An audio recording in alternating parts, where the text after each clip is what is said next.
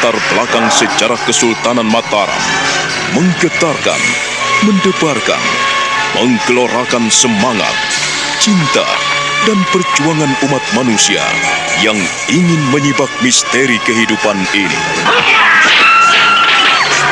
Cerita ini ditulis dan diolah oleh Buan Nergis Muriono, pengarah cerita dan naskah Agung Bahrodi, ilustrasi musik Hari Sabar, teknik dan montase Jenny Mumu, dengan sutradara Ferry Fadli.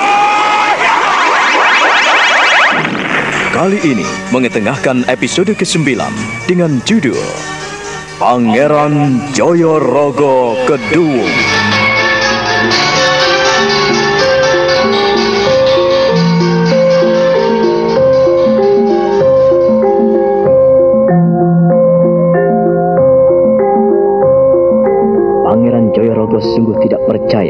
Apabila Kuno kembali dengan berita yang tidak menyenangkan. Ia mengajak Kuno menuju ke balik tirai, dan ia mengerutkan dahinya saat Kuno menyampaikan peristiwa yang terjadi di Kali Sosok.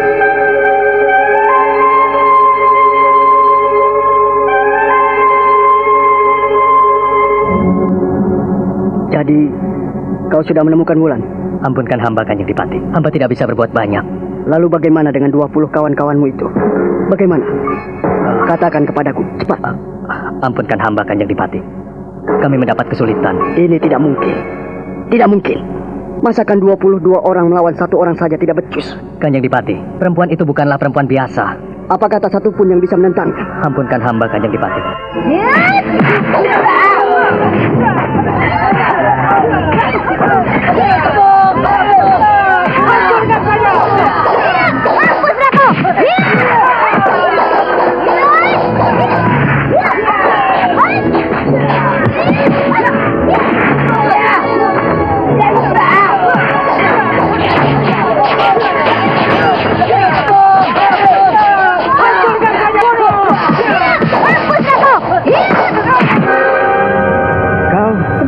yang terjadi? Mengapa kalian mengeroyokku? Hah? Lihatlah, 20 orang kawanmu telah berjatuhan. Sekarang tinggal kau seorang. Dan kulihat, kawanmu telah melarikan diri. Tinggal kau. Sekarang katakan, siapakah kau sebenarnya? kau tidak perlu tahu siapa kami. Hah? Kau tidak takut? Kau menantangku. Lucu pertanyaan. Kaulah yang telah mengacaukan semuanya. Aku tidak segan-segan membunuhmu apabila terpaksa.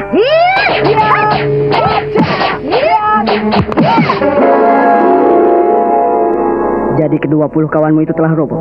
Benar Kanjeng Dipati.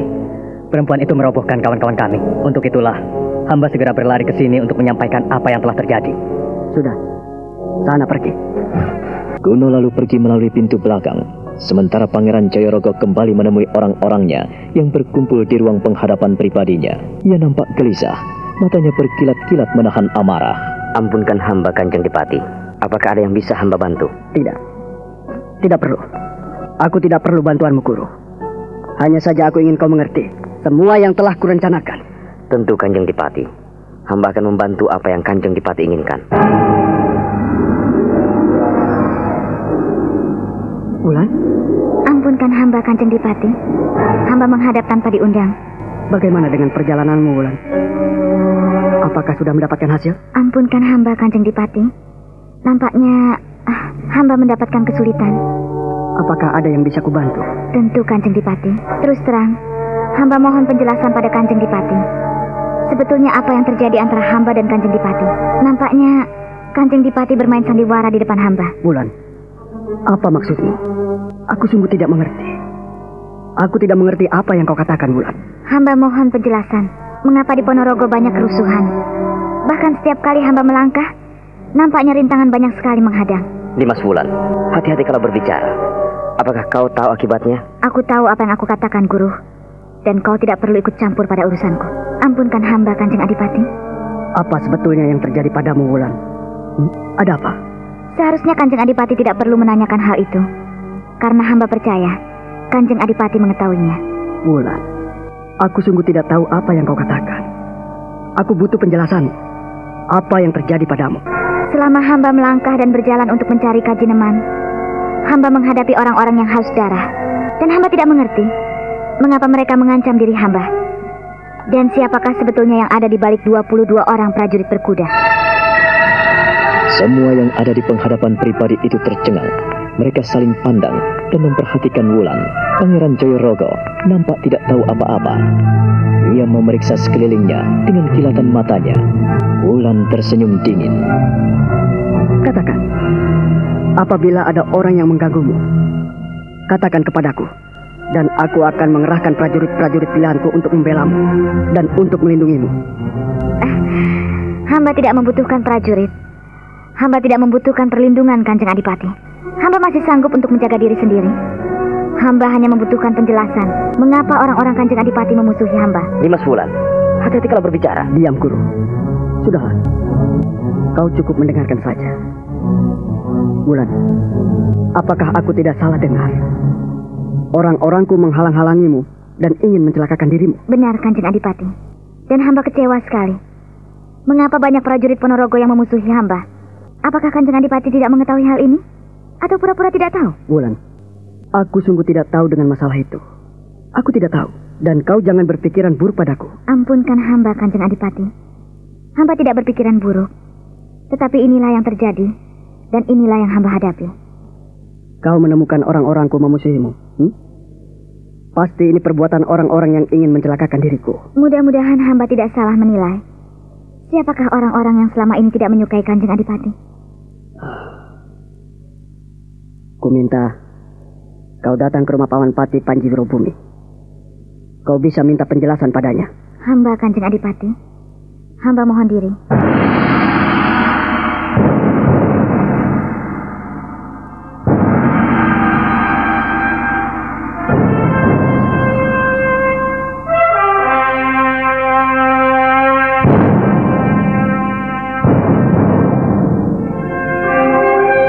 Sungguh tidak suka dengan perlakuan Pangeran Joyorogo yang dilihatnya aneh.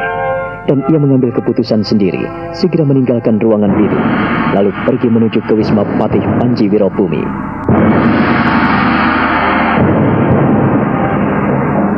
Guru, Hamba Kanjeng Adipati. ku minta kau bersiap-siap. Tunggu perintahku. Dan semuanya beres. Hamba Kanjeng Adipati. Setelah itu, ku minta kau mengawasi apa yang dilakukan mereka. Hamba Kanjeng Adipati. Persiapkan orang-orangmu di perbatasan dan awasi semua orang-orang Panji Wirobumi. Aku sungguh tidak suka apabila mereka bermain umpet-umpetan. Hamba Kanjeng Adipati. Lekaslah. Persiapkan sekarang juga.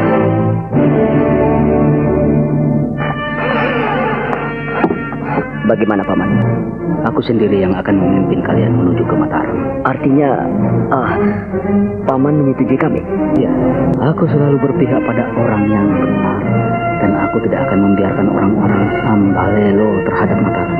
Terima kasih atas sikap tegas paman Panji Wirobumi. Kumpulkan dan bersiaplah di rumah. Aku akan datang tepat di tengah malam. Iya paman. Kita akan berangkat diam-diam. Jangan sampai ada orang yang tahu. Aku melihat orang-orang Joyorogo menyebar di seluruh wilayah kita. Apabila kalian menemui mereka, jangan sungkan-sungkan untuk memancung kepala mereka. Iya paman. Orang-orang yang tidak tahu terima kasih. Diberi hati tapi minta jantung. Iya paman. Saya juga tidak setuju dengan tindakan Pangeran Joyorogo. Apa yang diinginkannya? Ah, dasar orang tak tahu diuntung.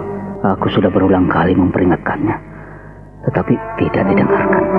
Baiklah, biar adiknya yang berbicara. Kita orang-orang tua sudah tidak didengarkan. Ya, mereka tidak tahu apa yang akan terjadi apabila Kanjeng Sultan yang berbicara. Lebih-lebih Kanjeng Pangeran Mangkubumi atau Eyang Mendoroko. Hah.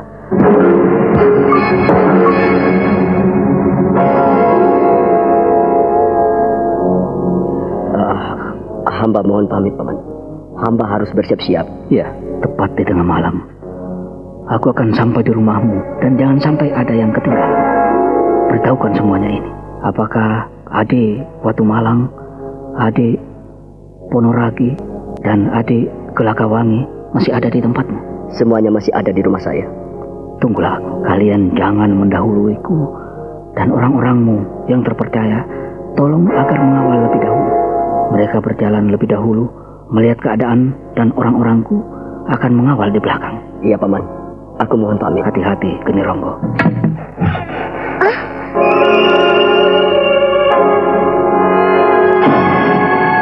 Geni Ronggo terkejut sekali ketika ia membuka pintu.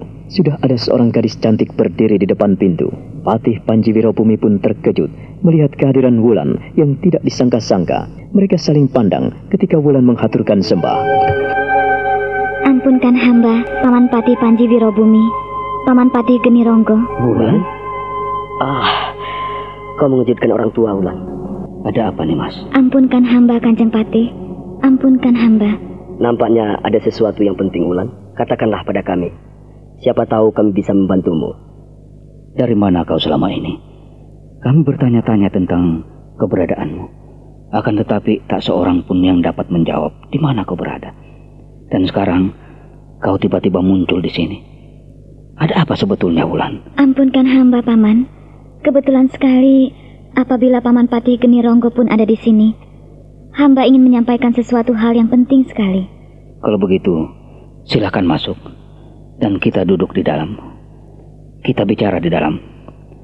Adik Geni Ronggo, Ya, Kakang. masuklah lagi. Tunggu sebentar. Geni Ronggo yang sudah berpamitan akhirnya kembali ikut duduk di hadapan Wulan. Mereka menanti penuh dengan kecemasan, menunggu apa yang akan disampaikan oleh Wulan. Ampunkan hamba, Paman Patih. Katakanlah, Nimas. Barangkali kami bisa membantu. Mumpung ada Paman Geni Ronggo di sini. Ah, begini Paman, nampaknya di Ponorogo ini sudah tidak beres lagi. Sebetulnya, siapa yang ingin menjungkirkan Kanjeng Pangeran Joyorogo? Hamba melihat ada dua kutub yang saling bertentangan. Paman belum begitu mengerti apa yang kau sampaikan. Adik Geni Ronggo, apakah kau telah paham dengan apa yang disampaikan Nimas Wulan? Ampunkan saya, Paman. Nampaknya Nimas Wulan pun menghadapi persoalan yang kita hadapi. Apakah Nimas telah berbicara dengan Kanjeng Pangeran Joyorogo? Untuk itulah hamba datang kemari, Paman. Hamba mohon penjelasan. Apakah benar seperti yang hamba utarakan tadi? Bahwa di Ponorogo ini terdapat dua kutub yang saling bermusuhan? Ah, nampaknya kau memiliki panca indera yang tajam. Ya, syukurlah kalau begitu. Artinya kau sependapat dengan kami. Ah, Paman, apa yang terjadi? Kami juga sedang pusing nih, Mas. Ya, nampaknya kami tak mampu membendung air yang sedang membludak. Air yang telah pah akan menimbulkan banjir dan meluap di sisi-sisi kali. Air yang semula kita pergunakan untuk mengairi sawah dan ladang. Apabila banjir, maka akan melahap tanaman di kanan kirinya hingga hancurlah semuanya. Itulah barangkali yang sedang terjadi di Ponorogo ini. Ah, maksud Paman, penilaian hamba benar? Ya, Pangeran Joyorogo ingin memisahkan diri dari Mataram. Apa, Paman? Ah, apakah hamba tidak salah dengar? Mungkin benar apa yang disampaikan pamanmu, Geni Ronggo, bahwa Pangeran Joyorogo ingin memisahkan diri dari Mataram tanpa sepengetahuan kami. Dan ia belum lama menyampaikan rencananya itu pada kami. Tentu saja kami, orang-orang tua, tidak menyetujuinya secara tak langsung. Lalu apa yang terjadi, Paman? Kami orang-orang tua ini tak tahu apa yang akan terjadi lagi. Sebab pembelotan dan pemberontakan semacam itu tentu saja akan menimbulkan malapetaka yang jauh lebih besar. Peperangan, Paman. Tepat, benar. Peperangan tidak akan bisa dihindarkan lagi. Ah, kita harus mencegahnya, Paman. Itulah mengapa Paman Geni Ronggo ada di rumah ini. Apa yang akan Paman lakukan? Ya, kalau engkau berpihak pada kami, nanti malam kau harus sudah berada di rumahku. Atau kau bersamaku saat ini pergi ke wismaku. Artinya, Aku tidak bisa menjelaskan kepadamu sekarang ini. Aku akan menjelaskan semuanya setelah nanti malam kita berkumpul bersama di rumah pamanmu, Geni Ronggo. Bagaimana? ya, baiklah. Hamba bersabar. Tetapi, berikanlah hamba sedikit keterangan apa sebetulnya yang telah terjadi di sini. Dalam perjalanan, hamba dihadang oleh prajurit-prajurit Ponorogo. Tetapi mereka tidak mau mengakui keberadaannya sebagai prajurit. Ah, apa? Ah, kau dicegat para perompak. Siapa yang menghadangmu, Nimas? Hamba mengenal orang-orang yang menghadang hamba dalam perjalanan setelah meninggalkan desa Kalisosok. Lalu apa yang terjadi kepadamu, Nimas Wulan? Mereka ingin mencelakakan dirimu. Iya, Paman. Mereka bahkan sudah menghunus pedang. Oh, terkutuk. biadab. Sudah tidak perlu diampuni lagi. Tak bisa dimaafkan. Untunglah, Paman. Hamba masih bisa berbicara dan menghadap pada Paman berdua di sini. Ah, kau bisa mengatasinya. Kau mampu menghadapi mereka tentunya. Demikianlah, Paman. Nampaknya Yang Maha Kuasa masih melindungi hamba. Hingga ke-22 orang itu roboh. Roboh di tengah hutan Simo. Oh, 22 orang. Ya, 22 orang menghadang hamba. Lalu yang 20 hamba robohkan. Sementara yang dua orang lari. Ah, sudah tidak beres lagi. Pasti ada sesuatu di balik ini semua. Tadi, Ah, aku menjadi curiga. Pasti ini perbuatan Pangeran Jorogo sendiri. tunggu dulu. Jangan tergesa-gesa menuduh adik Geni Ronggo. Aku tidak ingin terjadi kesalahpahaman di antara kita hingga terjadi pertumpahan darah di antara saudara sendiri. Untuk itulah, Paman, hamba datang kemari. Hamba mohon penjelasan. Hal ini sudah tidak perlu dijelaskan lagi nih Mas Wulan. Tak ada yang perlu kita jelaskan. Yang jelas, Pangeran Jorogo ingin menjebak kita. Eh, maksudnya, mau membunuh hamba? Paman tidak mau menilai seburuk itu. Paman belum bisa menilai sejauh itu. Tetapi yang menjadi pertanyaan Paman adalah bagaimana orang sedekat Pangeran Joyorogo sepertimu tiba-tiba raib begitu saja. Kalau aku menanyakanmu pada Pangeran Joyorogo, ia hanya menjawab bahwa kau mencari sahabat-sahabatmu. Kau ingin membersihkan kerusuhan-kerusuhan yang terjadi selama ini. Ya, memang benar, Paman. Dan hasilnya, orang-orang Jorogo menguntitmu dan ingin mencelakakan dirimu.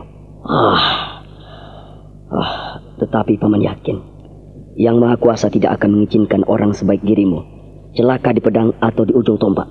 Apabila hamba tidak bisa menjaga diri, mungkin hamba telah mati, Paman. Semua ini sudah menunjukkan, sudah memberikan keterangan dan penjelasan lebih dari cukup. Untuk itu, Wulan, Hamba, Paman. ku minta kau segera pergi bersama pamanmu Geni Ronggo. Pergilah kau ikut ke wismanya. Nanti di tengah malam, aku akan menyusulmu. Sudah, jangan menunggu dan membuang banyak waktu lagi. Segeralah pergi. Hamba, Paman. Aku mohon pamit paman. Hmm, ya. Panji Wirobumi kemudian mengantarkan Wulan dan Geni Ronggo sampai di depan pintu pagar rumahnya. Geni Ronggo dan Wulan akhirnya pergi meninggalkan rumah itu dengan berkuda. Sementara itu, di istana Kadipaten Ponorogo, Pangeran Jayorogo mengundang secara pribadi guru di tempatnya. Ia dipertemukan dengan Guno, orang kepercayaannya.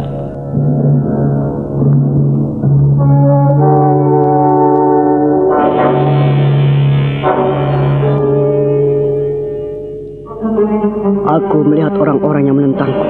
Paman Patih Wirobumi jelas tidak setuju. Demikian pula dengan Paman Genironggo, Paman Watu Malang, Paman Gelagah Wangi, dan mereka yang tua-tua. Nampaknya tidak setuju dengan rencanaku. Hamba khawatir apabila Wulan membelot. Hamba yang akan mengatasi. Hamba telah memerintahkan orang-orang kepercayaan hamba untuk mengawasi gerak-geriknya. Aku tidak ingin ia terlepas guru. Hamba Kanjeng Dipati. Jangan khawatir, Kanjeng Pangeran. Ah, jika 20 orang tidak cukup membelenggunya, bagaimana bisa meringkusnya, Pangeran? Jika 20 tidak bisa, maka kalau perlu, 200 orang akan kukerahkan. Kau jangan gegabah, Guru. Dia bukan orang sembarangan. Dia bukan perempuan gampangan. Dia memiliki pendirian yang keras. Apabila kita tidak hati-hati, kita bisa celaka. Aku akan menghadapinya, Kakang Guno. Kau tak perlu khawatir. Guru, dengarkan Gunung. Jangan sampai kau meremehkan Wulan. Nampaknya ia akan terpengaruh dengan orang-orang yang tua. Kita akan menentang mereka. Tetapi ingat, aku tak ingin jalan kekerasan. Jika tidak terpaksa, jangan sampai terjadi pertumpahan darah. Ingat ini. Tapi kalau kami terpaksa, Kanjeng Pangeran, apakah perlu kita meringkusnya di sini? Tidak. Aku belum punya pikiran seperti itu. Kalau kita tangkap di sini, kita akan lebih aman, Kanjeng Pangeran. Karena kita memiliki prajurit-prajurit andalan. jangan Kakang Guno. Lebih baik kita kirim keluar kota. Aku tidak suka kau singkirkan Wulan di sini. Bagaimanapun juga, banyak prajurit yang mendukungnya. Dan ia terlatih untuk itu. Lalu bagaimana jalan keluarnya? Aku telah mengawasinya, Kakang Guno. Jangan khawatir, keterangan lebih lanjut akan kau dapat secepatnya. Tunggu saja. Kalian berdua aku tugaskan. Singkirkan dia. Guno dan Guru mengaturkan sembah. Pangeran Jayorogo sudah tidak bisa menahan amarahnya lagi. Lalu ia memberikan sepucuk keris telanjang. Keris tanpa rangka itu diterima anak buahnya. Mereka lalu menghaturkan sembah setelah menerima kedua pusaka yang harus digunakan untuk menyingkirkan Wulan.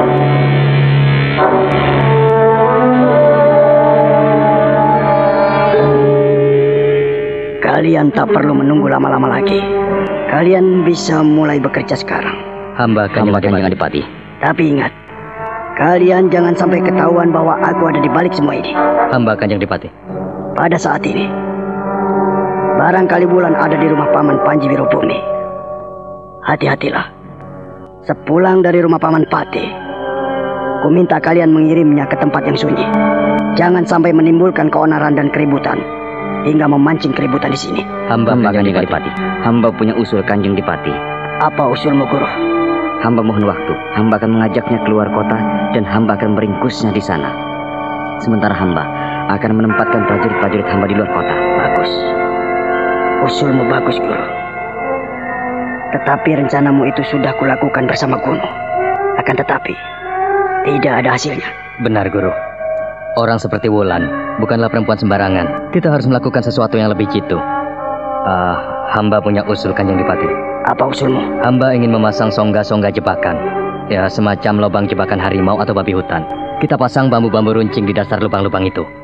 Dan kalau kita giring ke sana, maka ia akan masuk dengan mati lumat tanpa daya lagi. Aku telah mencobanya, Guru. Tetap saja ia bisa melihat jebakan-jebakan itu. Ia bisa melangkah tanpa melihat. Dan ia bisa berjalan tanpa kaki. Kau perhatikan itu. Ia seseorang yang pilih tanding. Aku sendiri bingung menjebaknya. Kalau begitu, tak ada jalan lain. Diracuni saja. Sudahlah. Kuserahkan semua pada kalian berdua.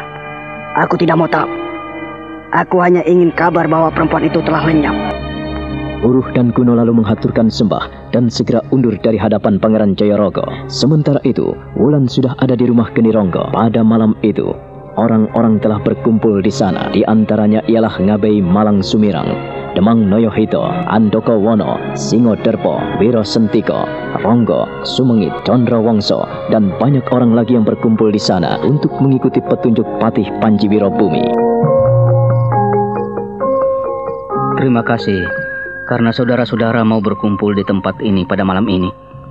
Kebetulan suasana gelap gulita, tak ada bulan. Hanya kerlip-kerlip bintang di angkasa yang menerangi langit. Perlu saudara-saudara ketahui bahwa Pangeran Joyorogo yang kita sembah selama ini, yang kita percaya di Ponorogo ini, merencanakan kejahatan. Wah repot. Hmm. Percaya merasa paling benar. Merasa paling benar, merasa paling berkuasa. Ku minta saudara-saudara kembali tenang bahwa di balik dinding dan di atas atap sana ada yang mendengarkan pembicaraan kita. Dinding dan atap di sini bisa bicara, bisa melihat dan bisa mendengar.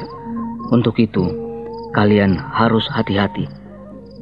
Akulah yang bertanggung jawab atas semua ini. Jadi seandainya terjadi kericuan atau keributan, biarlah aku yang sudah tua ini ditangkap. Sebab aku menyadari kekuatan dan keperkasaan adalah ada dan diam dalam anak dan cucuku. Ada diam pada yang muda-muda. Aku akan mengalah. Aku hanya ingin menganjurkan pada kalian bahwa kecongkakan dan pembelotan harus kita sirnakan. Aku tidak setuju melihat orang yang balelo. Paman Panji Wirobumi, lalu bagaimana dengan rencana kita? Ya, Ade Kenironggo. Ade Ngabei Malang Sumirang. Ade Demang Noyohito dan saudara-saudara yang masih muda. Ku minta pada malam ini juga kalian bisa mengikuti anjuranku. Itu apabila kalian mau. Tetapi kalau saudara-saudara keberatan, juga tidak apa-apa. Kukumpulkan saudara-saudara di sini dengan maksud bahwa pada saat ini juga aku akan pergi ke Mataram. Ke Mataram. Wah, kita jadi ke Mataram kalau begitu. Wah, apakah tidak menimbulkan persoalan baru? Iya, bagaimana ya? Ah. Kamu ikut tidak? ah, ah, lebih baik aku ikut saja. Ya, kita ikut yang tua. yang jelas, aku tidak ingin melihat pemberontakan lagi seperti yang dilakukan uh, Pangeran Puger hingga sekarang dikucilkan di Kudus. Sudahlah, sudah. Saudara-saudara, aku minta tenang. Siapa yang tidak setuju, ku minta mengacungkan tangan. Oh, silakan bicara, Nimas Wulan. Hamba Paman Patih, hamba bukannya tidak setuju, tapi hamba mohon sedikit penjelasan. Mengapa kita harus pergi ke Mataram malam ini? Terima kasih atas pertanyaanmu, Nimas Wulan. Barangkali pertanyaanmu ini bisa aku anggap mewakili saudara-saudara yang hadir di sini. Pasti banyak yang belum paham dan belum mengerti apa yang sedang terjadi di sini. Wah, benar, benar juga. Aku ingin tahu apa sebetulnya yang terjadi dan untuk apa harus pergi ke Mataram malam-malam begini. Uh, saudara-saudara, sekali lagi saudara-saudaraku mohon untuk tenang. Baru sekali kita akan datang menghadap ke Mataram karena saat ini Pangeran Joyorogo jelas ingin memberontak. Pangeran Joyorogo ingin balelo dan memisahkan diri dari Mataram. Apakah itu benar? Wah, ini tidak bisa dibenarkan. Kita sudah cukup lama mengabdi untuk pemerintahan Mataram. Sejak Ki Gede Mataram berkuasa di alas Mentau sampai almarhum Kanjeng Senopati Ingaloku. Apakah kita harus berkhianat pada anak cucunya?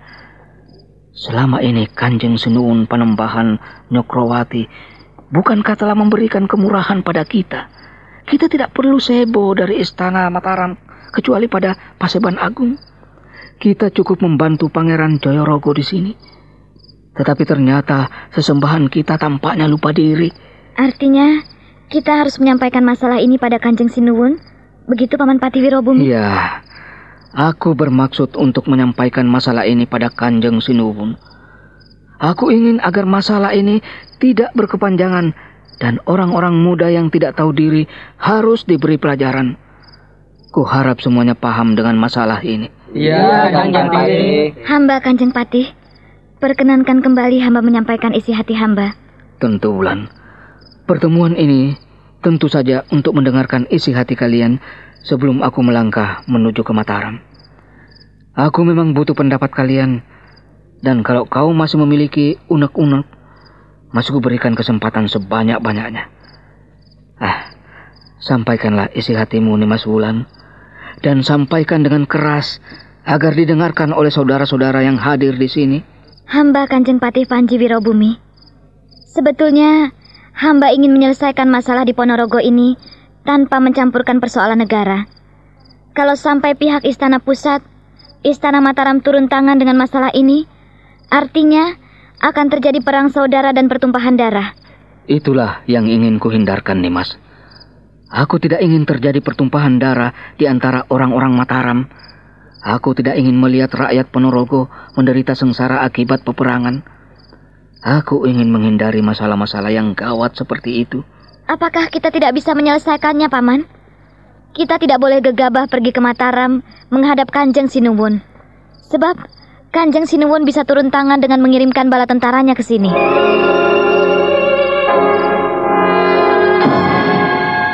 Lebih baik mengorbankan salah seorang dibandingkan harus mengorbankan ribuan rakyatku di Ponorogo ini. Apakah kita tidak bisa mengingatkan Kanjeng Pangeran Joyorogo? Berulang kali aku memperingatkannya nih Mas Bulan. Tetapi ia tidak mau mendengarkan dan aku tidak mau dilecehkan begitu saja. Karena dia masih terlalu muda. Dia baru kemarin sore duduk di istana Kadipaten Ponorogo. Tetapi aku, pamanmu Genironggo, pamanmu Ngabe Malang Sumirang, dan Demang Noyohito sudah berapa lama mengabdi di Ponorogo ini? Kita tidak pernah memikirkan pemberontakan. Kami adalah para abdi dalam yang dituntut untuk setia pada janji, yang dituntut untuk setia pada hukum dan tatanan pemerintahan Mataram yang selama ini nampak tentram.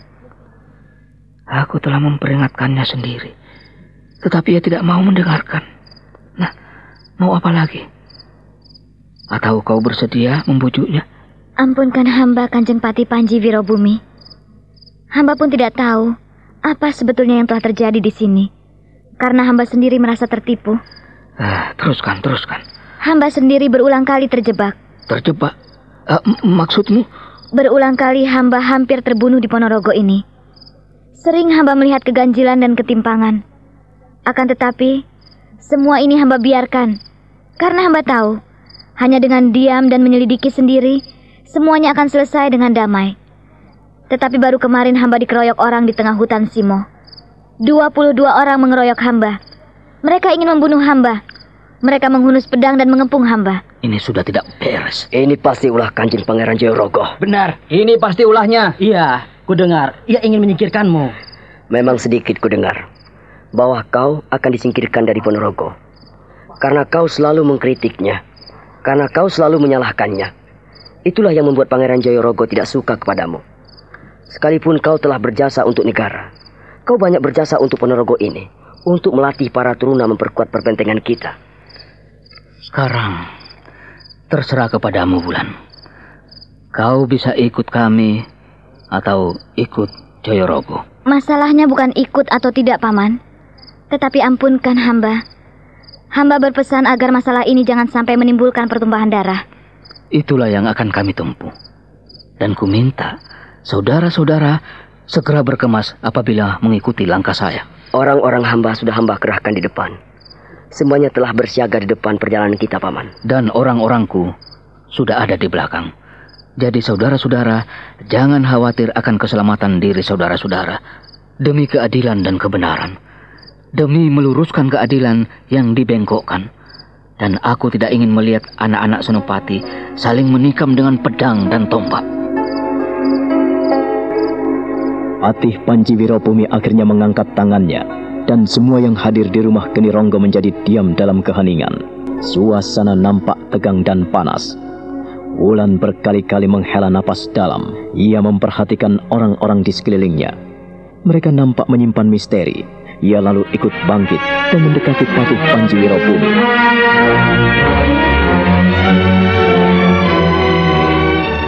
Ketika Wulan mendekati Patih Panji Wirobumi, maka orang tua itu hanya melambaikan tangannya, memberikan isyarat agar Wulan pun segera mempersiapkan diri mengadakan perjalanan menuju Mataram bersama orang-orang lainnya. Mereka yang pergi ke Mataram itu antara lain Patih Genironggo, Panji Wirobumi, Ngabei Malang Sumirang, Demang Noyohito, Kisu Ronggo, Kilu Maji, dan masih banyak lagi para pamong praja yang masih muda, antara lain Andoko Wono, Singo Derpo, Wiro Sentiko, Ki Ronggo, Sumengit, Condro Wongso. Mereka berkuda meninggalkan Ponorogo di tengah malam buta.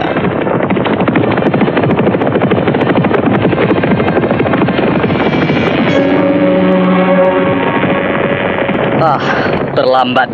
Terlambat, Guru. Ah, iya. Kita terlambat. Nampaknya mereka meninggalkan Ponorogo. Hmm. Kita harus menyampaikan hal ini pada Kanjeng Pangeran. Kita tak mungkin menangkap Wulan yang diapit begitu ketat oleh para sesepuh Ponorogo. Kita akan mendapat amarah besar, Guru. Ah, apa pun yang terjadi, kita harus segera menghadap Kanjeng Pangeran karena kita tidak bisa melakukan tugas dengan baik. Atau kau punya usul? Uh, bagaimana kalau kita mengeroyoknya di tengah jalan? Ini tidak mungkin. Tidak mungkin, Kakang. Kau harus tahu, Kanjeng Pangeran tidak menginginkan pertumpahan darah.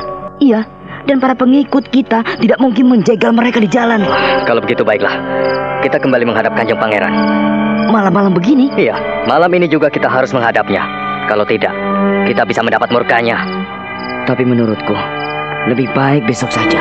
Kita akan melaporkan bahwa kita melakukan pengejaran, tetapi kita tidak bisa melakukan apa-apa setelah mereka mengadakan perlawanan. Bagaimana? Kau akan berdusta.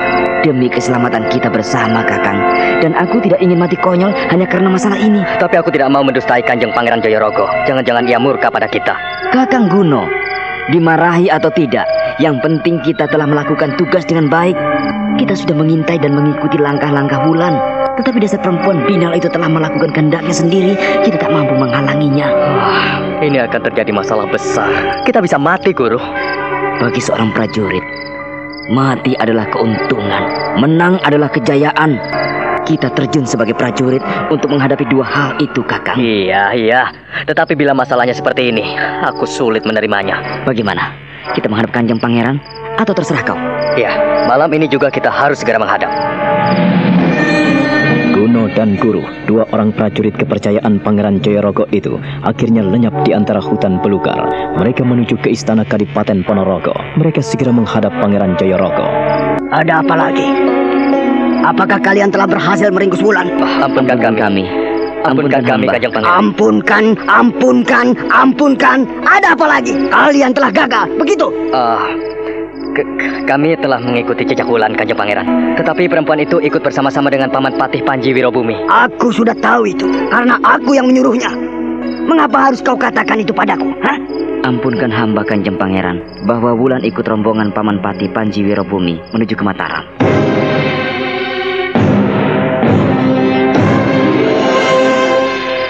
Apa? Apa kau bilang, Guru? Ampunkan hamba. Barangkali Kakang Guno bisa lebih menjelaskan. Bagaimana, Guru? Ampunkan hamba, Kanjeng Pangeran.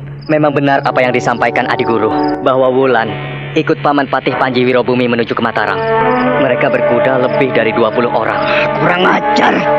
Mereka telah menyalahi aturan. Ah, mengapa kalian tidak menghadangnya? Ah, ampunkan hamba, Kanjeng Pangeran. Kami telah berusaha mencegahnya. Tetapi kami berusaha mematuhi apa yang diperintahkan Kanjeng Pangeran bahwa kami tidak diperkenankan menumpahkan darah di tanah Ponorogo ini. Benar Kanjeng Pangeran. Kami menghindari pertumpahan darah. Tetapi aku tidak menghendaki bahwa mereka pergi ke Mataram. Aku tidak suka itu. Ah, kalian benar-benar tolol. Kalian bisa celaka tahu. Bukan hanya aku, tetapi kau bisa digantung. Kalau begitu, apakah kami perlu mempersiapkan para prajurit pilihan Kanjeng Pangeran? Benar, Kanjeng Pangeran. Apakah kita perlu mempersiapkan peperangan? Ah, Beberapa saat lamanya, Pangeran Joyorogo tidak menjawab pertanyaan anak buahnya. Ia berjalan mondar-mandir sambil memukul-mukulkan tangan kanannya pada telapak kirinya. Ia bernapas tak teratur. Berulang kali ia memandang Guno dan Guru berganti-ganti, lalu kembali berdiri, berjalan mondar-mandir tak tentu arah. Ia seperti orang kebingungan.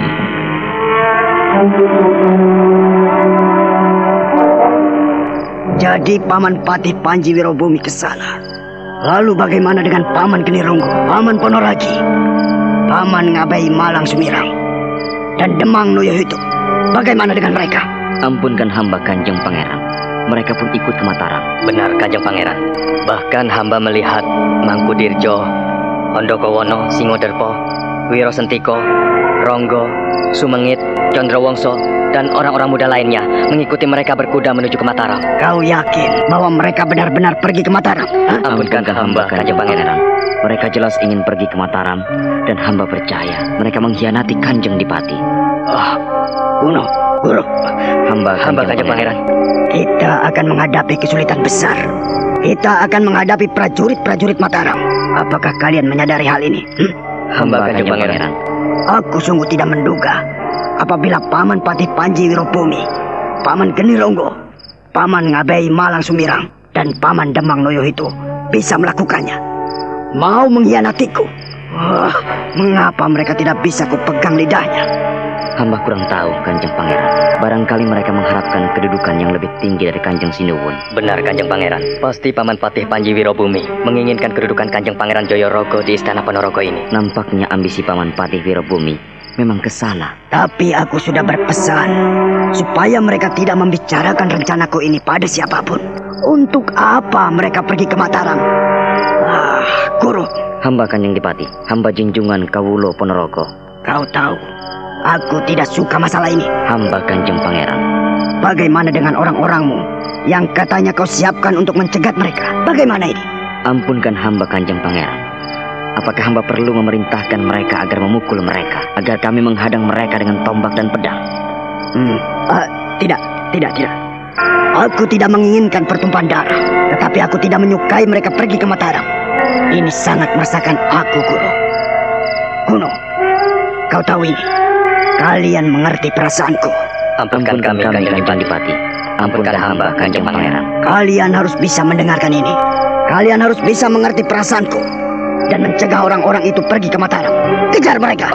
Kanjeng Pangeran. Ya, sebelum terlambat, aku ingin kalian berdua mengerahkan prajurit-prajurit kalian agar mereka mengejar orang-orang yang akan pergi ke Mataram. Kanjeng Pangeran, ampunkan hamba. Dengan demikian kita telah menyulut peperangan. Kita akan mengobarkan peperangan Kanjeng Pangeran. Pokoknya aku tidak mau tahu. Kalian harus bisa mencegah mereka. Kejar mereka. dan halangi mereka. Cepat! Guno dan Guru langsung menyembah, lalu undur dari hadapan Pangeran Jayorogo. Dengan cepat mereka memerintahkan prajurit-prajurit pilihan, dan mereka berdua ikut mengejar dengan kuda masing-masing. Kakang Mas, ada apa ini? Hmm. Kang Mas, mengapa kau gelisah sekali? Ada apa dengan Guru dan Guno? Mereka menyampaikan berita yang memprihatinkan hatiku, Nimas. Ada apa? Ada berita apa? Apakah... Ah, hamba tak boleh tahu? Paman Pati Panji Wirobomi dan seluruh sesepuh Ponorogo mengingkari janji mereka. Kang Mas, ada apa dengan semua ini? Tentu saja mereka menentang kebijaksanaanku. Dan aku tidak menyukainya. Lalu ku minta Guru dan Guno menyusul mereka agar mereka kembali ke Ponorogo. Masalahnya bisa semakin berat, Kang Mas. Kita bisa terjadi perang saudara. Itulah yang ku khawatirkan, Nimas. Aku tidak menginginkan pertumpahan darah. Mereka ternyata salah tanggap terhadap apa yang kusampaikan. Dasar orang-orang tua yang bodoh. Sehingga tidak tahu apa yang kupikirkan. Apa yang kusampaikan. Aku jadi jengkel kalau begini. Kang Mas, Kang Mas harus hati-hati. Kang Mas terlalu tegang memikirkan. Sehingga beginilah jadinya. Kalau mereka mau mendengarkan nasihatku, tentu saja tidak seperti ini jadinya, Nimas. Mereka seenak udelnya pergi ke Mataram tanpa izin. Aku paling tidak suka. Hamba mohon, Kang Mas Sudi memikirkannya dengan tenang. Jangan sampai Kang Mas larut dalam amarah. Sehingga Kang Mas tidak bisa menyusun kebijaksanaan yang selama ini telah direncanakan. Perintah-perintah Kang Mas semoga dapat meredamkan masalah ini. Bukankah Kang Mas telah mengutus Guno dan Guru agar menyusul mereka? Sudahlah Kang Mas. Jangan dipikirkan terlalu berat, ya. Masalahnya akan menjadi panjang nih mas Dan aku tidak menghendakinya ah, Aku tidak bisa berpikir dengan jernih Mengapa orang setua Paman Panji Wirobumi Paman Geni Ronggo Paman Ngabai Malang Sumirang Dan Paman Demang Noyohito Bisa mengkhianati seperti itu Aku tidak mengerti Aku tidak mengerti nih mas Kang Mas ah. Pangeran Joyorogo tidak sadar. Ia menggeram menahan amarah di depan istrinya. Nyai Ayu mengerutkan dahi. Ia tak berani mendekati suaminya yang mengepalkan kedua tangan dan menggeram-geram seperti orang kesetanan. Nyai Ayu mundur beberapa langkah, memperhatikan tingkah suaminya yang aneh. Aku tidak akan membiarkan mereka seenaknya sendiri. Sudah aku beri kesempatan, tetapi mereka melangkah tanpa izinku. Tua-tua tak tahu diri. Ya, semakin tua, malah semakin gila. Tak mau mendengarkan pendapat yang mudah. Hah, apa yang kukatakan? Dimakan mentah begitu saja. Apa maunya? Apa maunya? Kang Mas. Aku tidak akan memaafkan mereka nih, Mas. Mereka terlalu lancang. Mereka berkhianat. Mereka mengkhianatiku. Kakang Mas, sudahlah. Bukankah mereka sudah disusul oleh guru dan Guno? Jangan terlalu cemas memikirkannya, Kang Mas. Sudahlah. Semuanya akan kembali baik. Kau tahu, aku tidak akan tenang nih mas. Sebelum mendapatkan kepastian bahwa mereka kembali ke Ponorogo. Mereka bikin kacau rencanaku. Kacau! Aku jadi tidak sabar lagi. Kakang Mas, Kakang Mas jangan terlalu terbakar. Bersabarlah. Saya tidak ingin Kang Mas jadi celaka. Kang Mas jadi takabur. Berhentilah Kang Mas. Mari istirahatlah. Malam sudah terlalu larut. Marilah Kang Mas. Kalau kau ingin tidur, tidurlah sana dulu. Aku tidak tenang nih mas. Sudahlah, tinggalkan aku sendiri. Aku ingin sendirian di sini. Pangeran Jayorogo berjalan mondar-mandir di teras ruang pribadinya. Sementara Nimas Ayu pergi ke belakang mengambilkan semangkuk air putih. Dengan cepat ia kembali dengan secangkir air putih itu dan menyerahkannya kepada suaminya. Kakang Mas, minumlah. Air bening ini bisa mendinginkan hati dan pikiran kita. Minumlah, Kang Mas.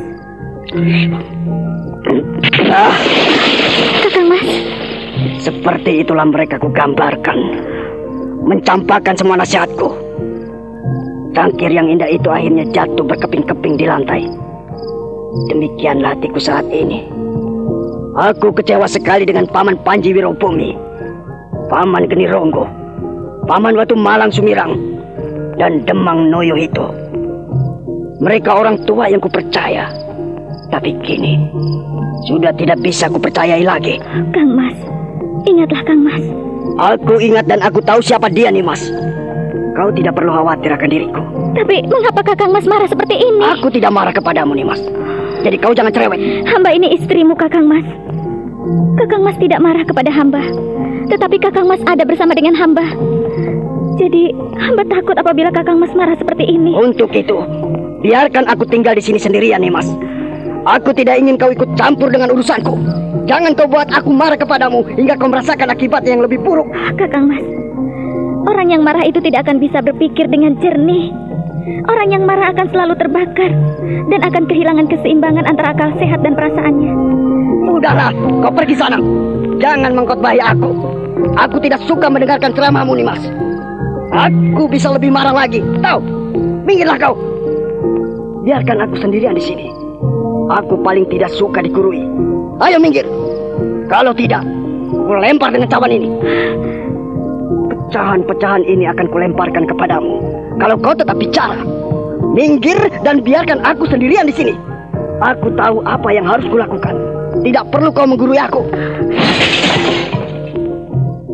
Melihat pelototan mata suaminya, Nyai Ayu langsung meninggalkan tempat itu. Ia menyelinap di balik daun pintu dan pergi ke peraduan. Sementara Pangeran Joyorogo masih menggeram menahan amarah. Ia memandang ke cakrawala hitam tengah malam. Sementara itu, guru dan Kuno serta prajurit-prajurit yang mengikutinya kini telah sampai di ujung desa Jatisrono. Mereka sudah melihat rombongan Panji Wirobumi yang menuju ke Mataram.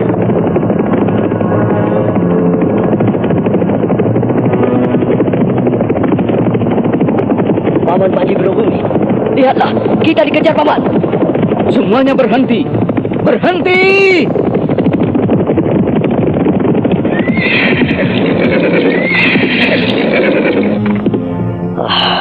Kulihat mereka adalah prajurit-prajurit Ponorogo, Paman. Apakah kita perlu melawan mereka? Tidak. Kita tidak perlu saling menumpahkan darah. Kau berdiamlah. Dan aku yang akan menghadapinya. Assalamualaikum. Assalamualaikum. Waalaikumsalam. Aku tidak pangling dengan kalian. Kalau tidak salah, kalian adalah Guno dan Guru. Hamba Paman Patih Panji Wirobumi. Ada apa sehingga kalian mengejar kami? Ampunkan hamba, Kanjeng Pati Wirabumi. Hamba diutus oleh Kanjeng Pangeran Joyorogo untuk mohon penjelasan. Apakah benar Kanjeng Pati Wirabumi dan rombongan akan pergi ke Mataram? Kalau kau bertanya demikian, maka ku jawab, iya. Oh. Jadi Paman Patih Panji Wirabumi benar-benar akan pergi ke Mataram? Benar. Aku akan menghadap ke Mataram sebab aku ingin sekali sowan menghadap Kanjeng Sinuwun penembahan Nyokrowati. Ada apakah sebetulnya hingga Paman Patih Panji Wirobumi akan menghadap ke Mataram? Lebih-lebih tanpa memberitahu lebih dahulu pada Kanjeng Pangeran Joyorogo. Aku sudah cukup lama mengabdi di Ponorogo ini, Guru. Guno. Beritahukan pada junjunganmu bahwa orang tua seperti aku pun masih punya hati, masih punya perasaan, dan rasa kangen sebagai orang tua, sebagai bapak, sekaligus sebagai hamba, sebagai abdi dalam yang baik. Tentu saja aku perlu untuk sesekali sowan di istana di luar penghadapan pada masa-masa Paseban Agung. Apakah kalian mengerti? Tetapi kami tidak mengerti karena Paman Patih Panji Wirobumi pergi di tengah malam buta. Itulah yang membuat kami curiga. eh, kalian tidak tahu mengapa di tengah malam seperti ini kami mengadakan perjalanan. ya, gampang saja. Guru, guru, kami kan sudah tua. Aku sudah tua. Tak mungkin melakukan perjalanan di pagi hari hingga di tengah perjalanan nanti aku kepanasan. ya, kalian ini aneh-aneh saja. Sudah wajar bagi orang seperti Panji Wirobumi ini mengadakan perjalanan di malam hari, sekalipun aku sudah tua. Tetapi ya mataku masih awas. Kami belum mengerti apa maksud Paman Pati. Kiranya Kanjeng Pati memberikan pengertian kepada kami, agar kami bisa menjelaskan lebih gamblang kepada Kanjeng Adipati Jayaroko. Benar, Kanjeng Pati Wirobumi. Kami sungguh sulit menerima kepergian Kanjeng Pati di malam seperti ini. Guru, Guno, hamba Kanjeng Pati Pati. Kalian tidak perlu menghalang-halangi perjalananku hingga menghambat waktuku. Aku tidak punya banyak waktu lagi. Aku tidak punya masalah apa-apa. Kembalilah ke Ponorogo. Tak perlu merintangi niatku. Jangan sampai aku marah. Sudah aku jelaskan pada kalian. Aku pergi di tengah malam untuk menghindari sengatan matahari. Tahu? Hah? Tetapi nampaknya kalian tidak sopan lagi dengan orang tua. Hah? Aku bisa marah dan aku masih kuat mencabut pedang. Paman, kau di situ saja, Geni Ronggo. Aku tidak akan membiarkan orang-orang muda menahanku tanpa mau mendengarkan suara. Aku ini sudah tua, Kuno. Dan kalian seenaknya saja. Aku bisa pergi ke mana saja sesukaku tanpa harus izin pada Pangeran Joyorogo. Sesembahanmu itu. Apakah kalian mengerti? Hamba Kanjeng Pati. Tetapi hamba mohon penjelasan sekali lagi. Kau jangan memancing kemarahanku. Lihatlah, pedangku telah keluar dari rangkanya. Sekali-kali pedang ini bisa ikut bicara apabila aku menghendakinya. Sudah kukatakan, aku pergi ke Mataram ingin sowan pada Kanjeng Sinuwun Panembahan Nyokrowati. Dan apabila aku pergi di malam-malam begini, perjalanan malam hari lebih tepat untukku. Orang yang sudah tua. Kalau begitu, mengapa Paman Patih Ronggo, Paman Malang Semirang, Demang Noyahito, dan mereka ikut Kanjeng Patih Panji Wirabumi? Benar. Mengapa mereka ikut Kanjeng Patih? Itu pun hak mereka. Kalian tidak perlu tahu. Karena mereka adalah sahabat-sahabatku. Apa salahnya apabila mereka ingin mengawalku hingga aku tidak menghadapi rintangan dan bahaya? Harimau dan ular berbisa masih banyak di perjalanan. Mereka bisa mengawalku dengan baik dan mereka pun bisa menghalau kalian. Dan Kuno meraba gagang pedang masing-masing. Panji Wirobumi tersenyum dingin. Ia pun mulai menggerakkan pedangnya ke samping kanan. Geni Ronggo dan orang-orang lain pengikut Panji Wirobumi pun bersiaga di belakang lelaki tua itu. Panji Wirobumi tersenyum dingin, matanya berkilat-kilat memandang Kuno dan Ku serta para pengikutnya yang telah bersiaga dengan senjata masing-masing.